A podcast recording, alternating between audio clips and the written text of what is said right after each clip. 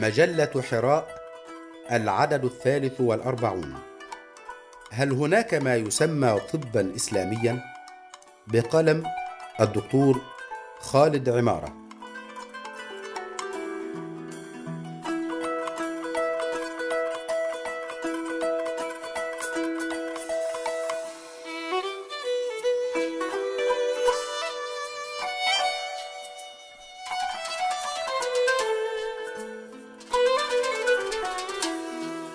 قد ينظر البعض للطب كعلم مثل كل العلوم الماديه ويعتبره مشتركا انسانيا عاما بين كل البشر. وهذا صحيح بعض الشيء لكن لا يمكن النظر إلى الطب البشري كعلم مماثل لعلوم الميكانيكا أو الرياضيات والحساب. ذلك لأن الطب يتعامل مع الإنسان وهذا يختلف عن الآلات والجماد. فالإنسان جسد وروح وبالتالي فالتعامل مع الأمراض العضوية دون مراعاة البعد الروحي والنفسي لا يفيد وربما يأتي بنتيجة عكسية وهذا ما أثبتته الأبحاث التي أثبتت أن العلاقة المباشرة بين القدرة على الالتئام والشفاء للجسد وبين الحالة النفسية والنوم والهواء والغذاء وعوامل أخرى كثيرة كلها تتعلق بالروح. لا توجد كيمياء إسلامية ولا فيزياء إسلامية ولكنها علوم عالمية يشترك فيها كل البشر مع ضوابط أخلاقية تضبط استعمال هذه العلوم في الحياة والمجتمعات المختلفة. لكن هناك فلسفة إسلامية وفن إسلامي لأنها علوم ترتبط بالروح والفكر والتاريخ. وبالتالي فما يتعلق بالروح يختلف عما يتعلق بالمادة من علوم. إن درجة غليان المياه هي مئة درجة مئوية على سطح الكرة الأرضية وهذه الخاصية لا تختلف إن كان من يغلي المياه مسلم أو مسيحي أو غير ذلك. وهذه الخاصية لا تختلف إن كان من يغلي المياه يتحدث الصينية أو العربية فهذا الجزء من العلوم مشترك إنساني عام بين كل الشعوب والبشر وهو يتضمن علوم المادة والطبيعة. أما النوع الثاني من العلوم فهو العلوم التي تختلف من مجتمع إلى آخر حسب العادات واللغات والديانة وطبيعة البشر وطبيعة الحياة والموروث الحضري مثل علوم الفلسفة والتاريخ. وفي كثير من الأحيان ننظر إلى الطب على أنه من النوع الأول من العلوم. لكن الطب البشري يتعامل مع الجسد والروح وليس فقط مع الصفة التشريحية للإنسان إنما أيضا مع أفكاره وطريقة تعامله مع ما حوله من مؤثرات. ونحن في هذا المقال نفترض أن هناك ما يسمى طبا اسلاميا ونقدم الأدلة على هذا. وهنا لا ندعو لفرض نموذج من العلم أو أسلوب من التفكير على باقي شعوب الأرض. ولكننا نبشر وننبه لمواطن القوة التي يملكها هذا الطب والتي يمكن أن تحمل الخير لكل البشرية. تاريخ الطب. في العصور القديمة كان اليونان يهتمون بالجانب الميتافيزيقي في كل الأفكار والفلسفات والعلوم بما فيها الطب. ولم يكن هناك اهتمام كبير بالجانب المادي من التجربة والمشاهدة. كان السحر والشعوذة والروحانيات تشكل أكثر من 95% من طرق العلاج. بينما يشكل الجانب المادي والعلمي التجريبي أقل من 5% من طرق العلاج المستعملة في علاج الأمراض. بل كان ينظر العديد من الفلاسفة في الثقافة اليونانية إلى التجربة أو أي عمل يدوي باحتقار مقارنة بالفكر الفلسفي والخيال التحليلي. وكان تفسير الكثير من الأمراض وربما العلاج يرتبط بالأرواح الشريرة ولعنة الآلهة وما إلى ذلك من تفسيرات.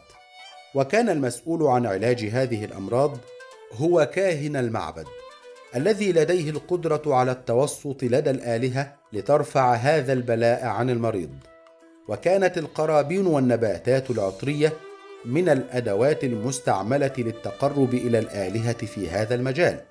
وجاءت بعدهم أوروبا لتسير على نفس الطريق لكن بدلا من ربط الأمراض بالأرواح الشريرة ولعنة الآلهة تم ربطها بالخطايا البشرية وغضب الكنيسة. وأصبح القس وكاهن الكنيسة هو المسؤول عن شفاء المرضى من هذه الأمراض. فكان الاهتمام بالروحانيات أعلى بكثير من الاهتمام بالجانب المادي للأمراض.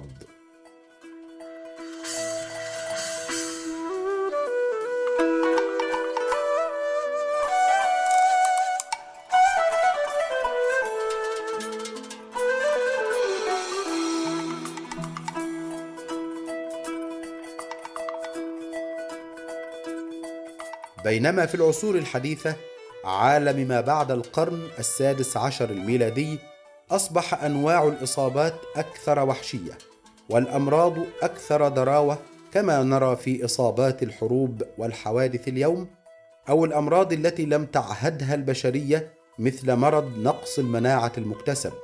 ومن ناحية أخرى تطور الطب المادي بدرجة كبيرة جدا في مجالات عديدة. سواء في العلاج بالأدوية أو بالجراحة أو بالأشعة وأصبح التركيز بنسبة 95% على الجانب المادي من المريض دون اهتمام يذكر بالجانب الروحي للإنسان في حالات المرض أو ما قبل المرض أو في الوقاية من الأمراض. وساعد على هذا تطور التخصص الدقيق في مجالات الطب وفروعه. فأصبح كل طبيب متخصص في منطقة معينة من الجسم وربما في مرض محدد لا يتخطى بعلمه هذا إلى أي فرع آخر من فروع الطب أو فروع العلم والحياة. مما جعل الطبيب ينظر إلى المريض بنظرة محدودة جدا. فمثلا طبيب العظام ينظر لمريض يشكو من ركبته على أنه ركبة وغضاريف وبعض العظام المريضة. ويهمل أو ينسى أن هذه الركبة جزء من هيكل عظمي متكامل يتحكم فيه عضلات وأعصاب وله دورة دموية متصلة بالقلب ويؤثر فيه الأغذية والجو والمناخ وطبيعة الحياة وتتفاعل مع الهرمونات التي يفرزها الجسم وتسري في الدم لكل الأعضاء. وخلف هذا كله روح الحياة والعوامل النفسية والعوامل الفكرية التي تؤثر على طبيعة حياة الإنسان وطريقة تفكيره وتعامله مع ما يتعرض له ومع من حوله من أفكار ومعطيات وأن الإنسان جزء من الكون بل وهو صورة مصغرة من الكون. ومن ناحية أخرى نجد الكثير من الأبحاث والتقارير للمنظمات الطبية الدولية تتحدث عن الأمراض كأرقام ليس أكثر. فمثلا تقرير عن أن مرض السكر يكلف العالم خسائر تقدر بعشرين بليون دولار أو عدد المرضى كذا ويكلفون الدولة كذا دولارا ويضيعون وقت العمل كذا ساعة. إنه النظر إلى البشر على أنهم آلات وأشياء لها وظيفة الإنتاج في ماكينة كبيرة بدون قلب ولا روح ولا عواطف. تحول الإنسان إلى رقم له ثمن. مواصفات الطب في عصور النهضة الإسلامية. إذا نظرنا إلى العلوم بصفة عامة في العصر الإسلامي فكان يحكمها ثلاثة قواعد رئيسية العقل والنقل والتجربة. كان العقل يعني المنطق والتفكير بينما التجربة تعني تجربة هذا المنطق على الواقع المادي والمحسوس. أما النقل فكان منه المقدس مثل الدين والأخلاق ومنه غير المقدس مثل بحوث السابقين وخبراتهم والتي هي قابلة لإعادة التقييم والتجربة. وكانت وصية جابر بن حيان أبو علم الكيمياء هي لا تعلموا الكيمياء لمن لا تأمنون دينه وخلقه فالبعد الأخلاقي يحكم كل العلوم فلا تتحول إلى وسيلة للأذى والتجبر. الملمح الثالث للعلوم في العصر الإسلامي كان نبذ التقليد الأعمى والاهتمام بالتجربة والإبداع.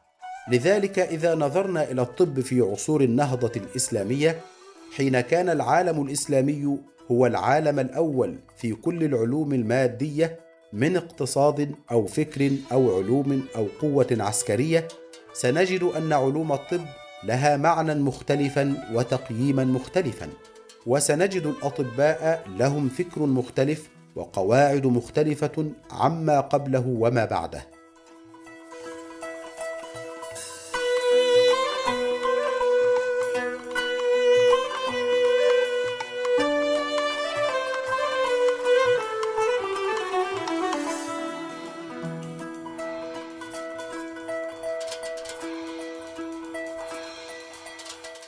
الطب الإسلامي خمسة محاور هامة.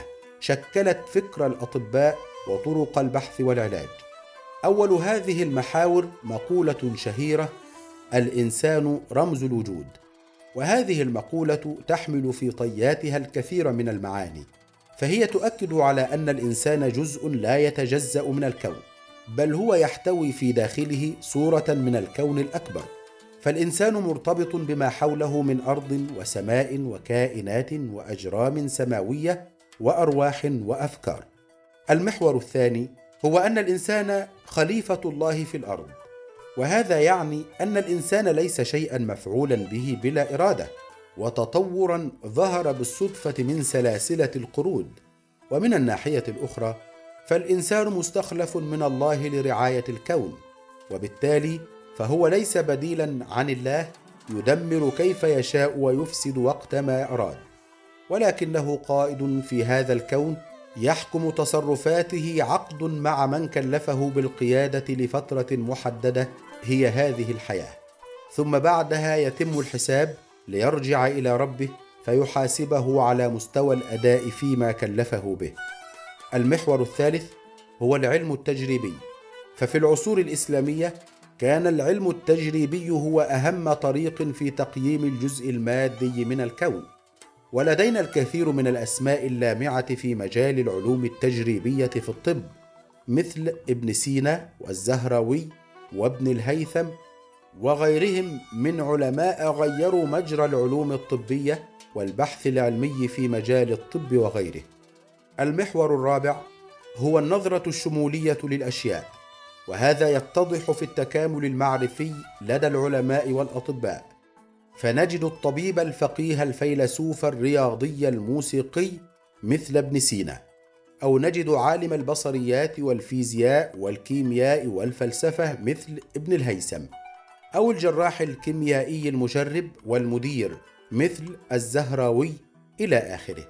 وبالتالي فلم يكن الطبيب متخصصا بدرجة تؤدي إلى ضيق الأفق. ولم يكن عاما في علمه لدرجة تخل بإتقانه لحرفته وصنعته وعلمه. المحور الخامس هو العمل المؤسسي. فقبل عصر العلوم الإسلامية كان العلماء يعيشون في خلايا منعزلة للتأمل إلا في بعض الاستثناءات القليلة مثل مكتبة الإسكندرية. لكن في الدولة الإسلامية كان الحج يمثل مؤتمرا سنويا كبيرا. يتم فيه تبادل الخبرات من كل أنحاء العالم الإسلامي. وكان هذا التبادل يتم ليس فقط في مكة المكرمة بل وأيضا في البلاد المجاورة التي تقع على طريق الحجيج مثل العراق ومصر والشام. هذا التبادل المعرفي تطور بتكوين مؤسسات علمية كبيرة وجامعات مثل الأزهر والقيروان وأنتج مستشفيات كبيرة تحولت إلى مدارس للطب في أنحاء العالم الإسلامي مثل بيمارستان المنصوري في القاهرة والنوري في دمشق وغيرها في كل بلاد الإسلام من الصين إلى الأندلس. وأيضا أنتج منظومة للتعليم والتدريب والبحث وتبادل الخبرات وساعد على هذا تقارب اللغة والفكر حيث كانت اللغة العربية لغة القرآن لغة عالمية تسهل التواصل وبجوارها اللغة الفارسية لغة العلم والفنون والتركية لغة السياسة وبالتالي فلم يقتصر الطب الإسلامي على الروحانيات وأيضا لم يتوقف عند العوامل المادية فقط بل جمع بينهما. خصائص الطب الإسلامي. ومن قواعد الطب الإسلامي أنه ينظر للإنسان كوحدة متكاملة مترابطة ببعضها البعض ومترابطة بالكون من حوله ومترابطة مع خالق هذا الكون الذي نفخ فيه من روحه. لذلك نجد في الطب الإسلامي أن الطبيب عليه أثناء الفحص مراجعة ليس فقط العلة والمرض الذي يشكو منه المريض ولكن عليه تقييم ومراجعة ستة أشياء أخرى. مكان معيشة المرء ونوع الهواء الذي يتنفسه نوع الأغذية والأطعمة التي يأكلها النوم وانتظامه وعدد ساعاته النشاط الحركي ومدة الراحة والنشاط الذهني ومدة الراحة العوامل النفسية والضغوط التي يتعرض لها وطريقة تعامله معها الإخراج والإفرازات بما فيها العلاقة الجنسية. اذا فالطب الإسلامي هو طب يجمع بين العلوم المادية وما وراء المادية بين الجسد والروح بين العقل والنقل بين عالم الغيب وعالم الشهادة. فيبحث في كليهما ويعالج في كليهما معا دون أن يهمل طرفا لحساب الطرف الآخر.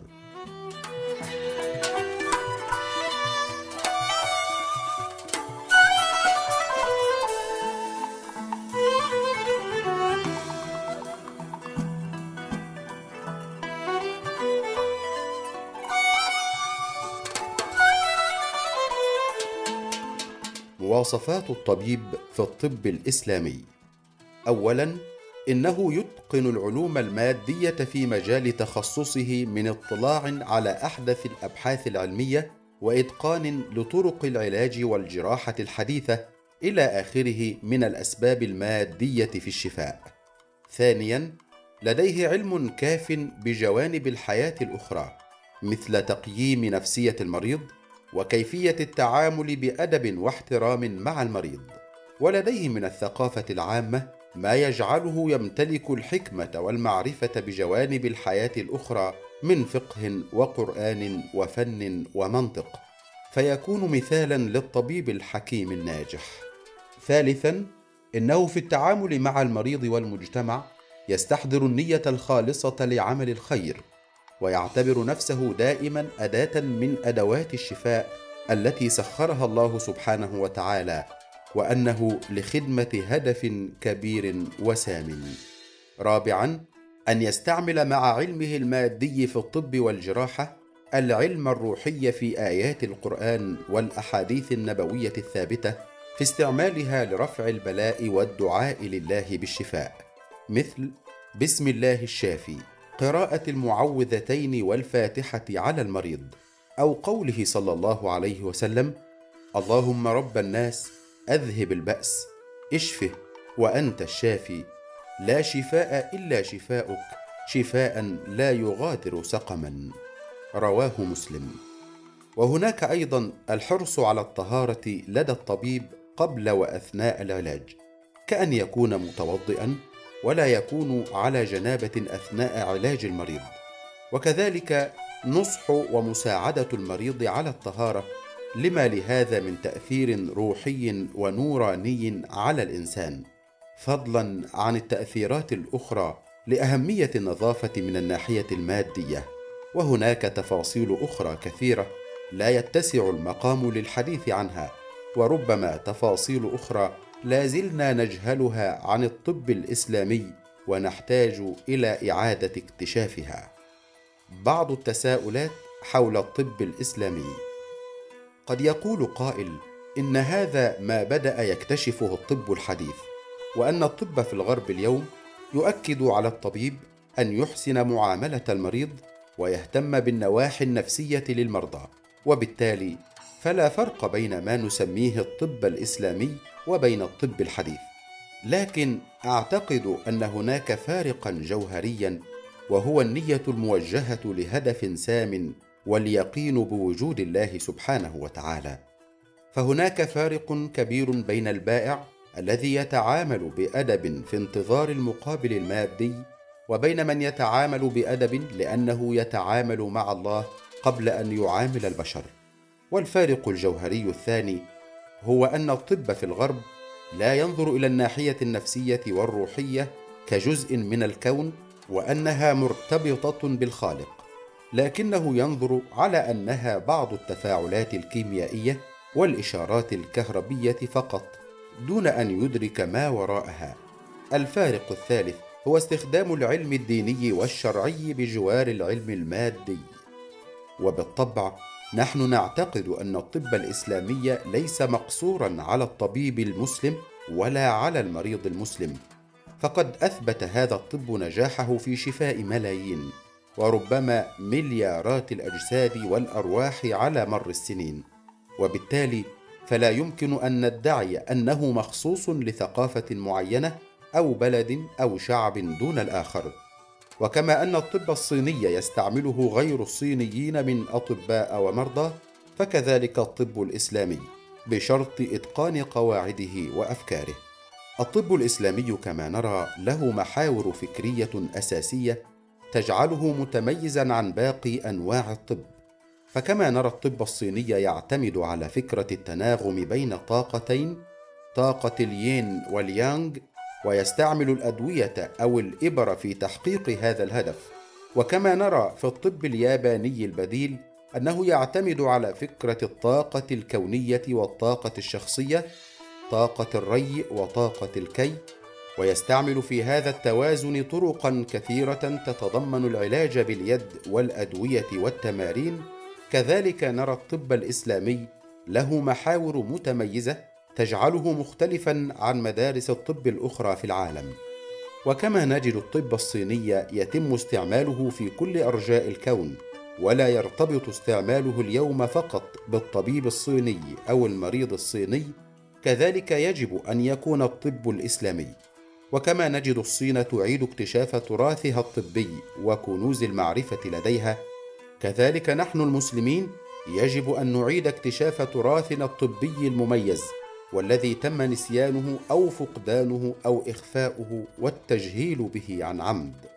هناك الكثير من الملامح والتفاصيل التي لن يكفي هذا المقال لشرحها وكلها تؤكد على أن الطب الإسلامي هو طب متفرد ومختلف وله عدة خصائص وأننا في حاجة إلى إحياء هذا الطب في عصرنا الحديث. لأن الإنسان اليوم في أمس الحاجة إلى هذا الطب إنه الطب والطبيب الذي ينظر إلى الإنسان بصورة متكاملة كجسد وروح ويهتم بعالم الغيب وعالم الشهادة والإنسان كذلك من الكون وخلق الله عز وجل. ونريد الطبيب الذي يحكم تصرفاته الدين والأخلاق. طبيب ينبذ التقليد ويسعى إلى الإبداع. طبيب يجمع العقل والنقل والتجربة.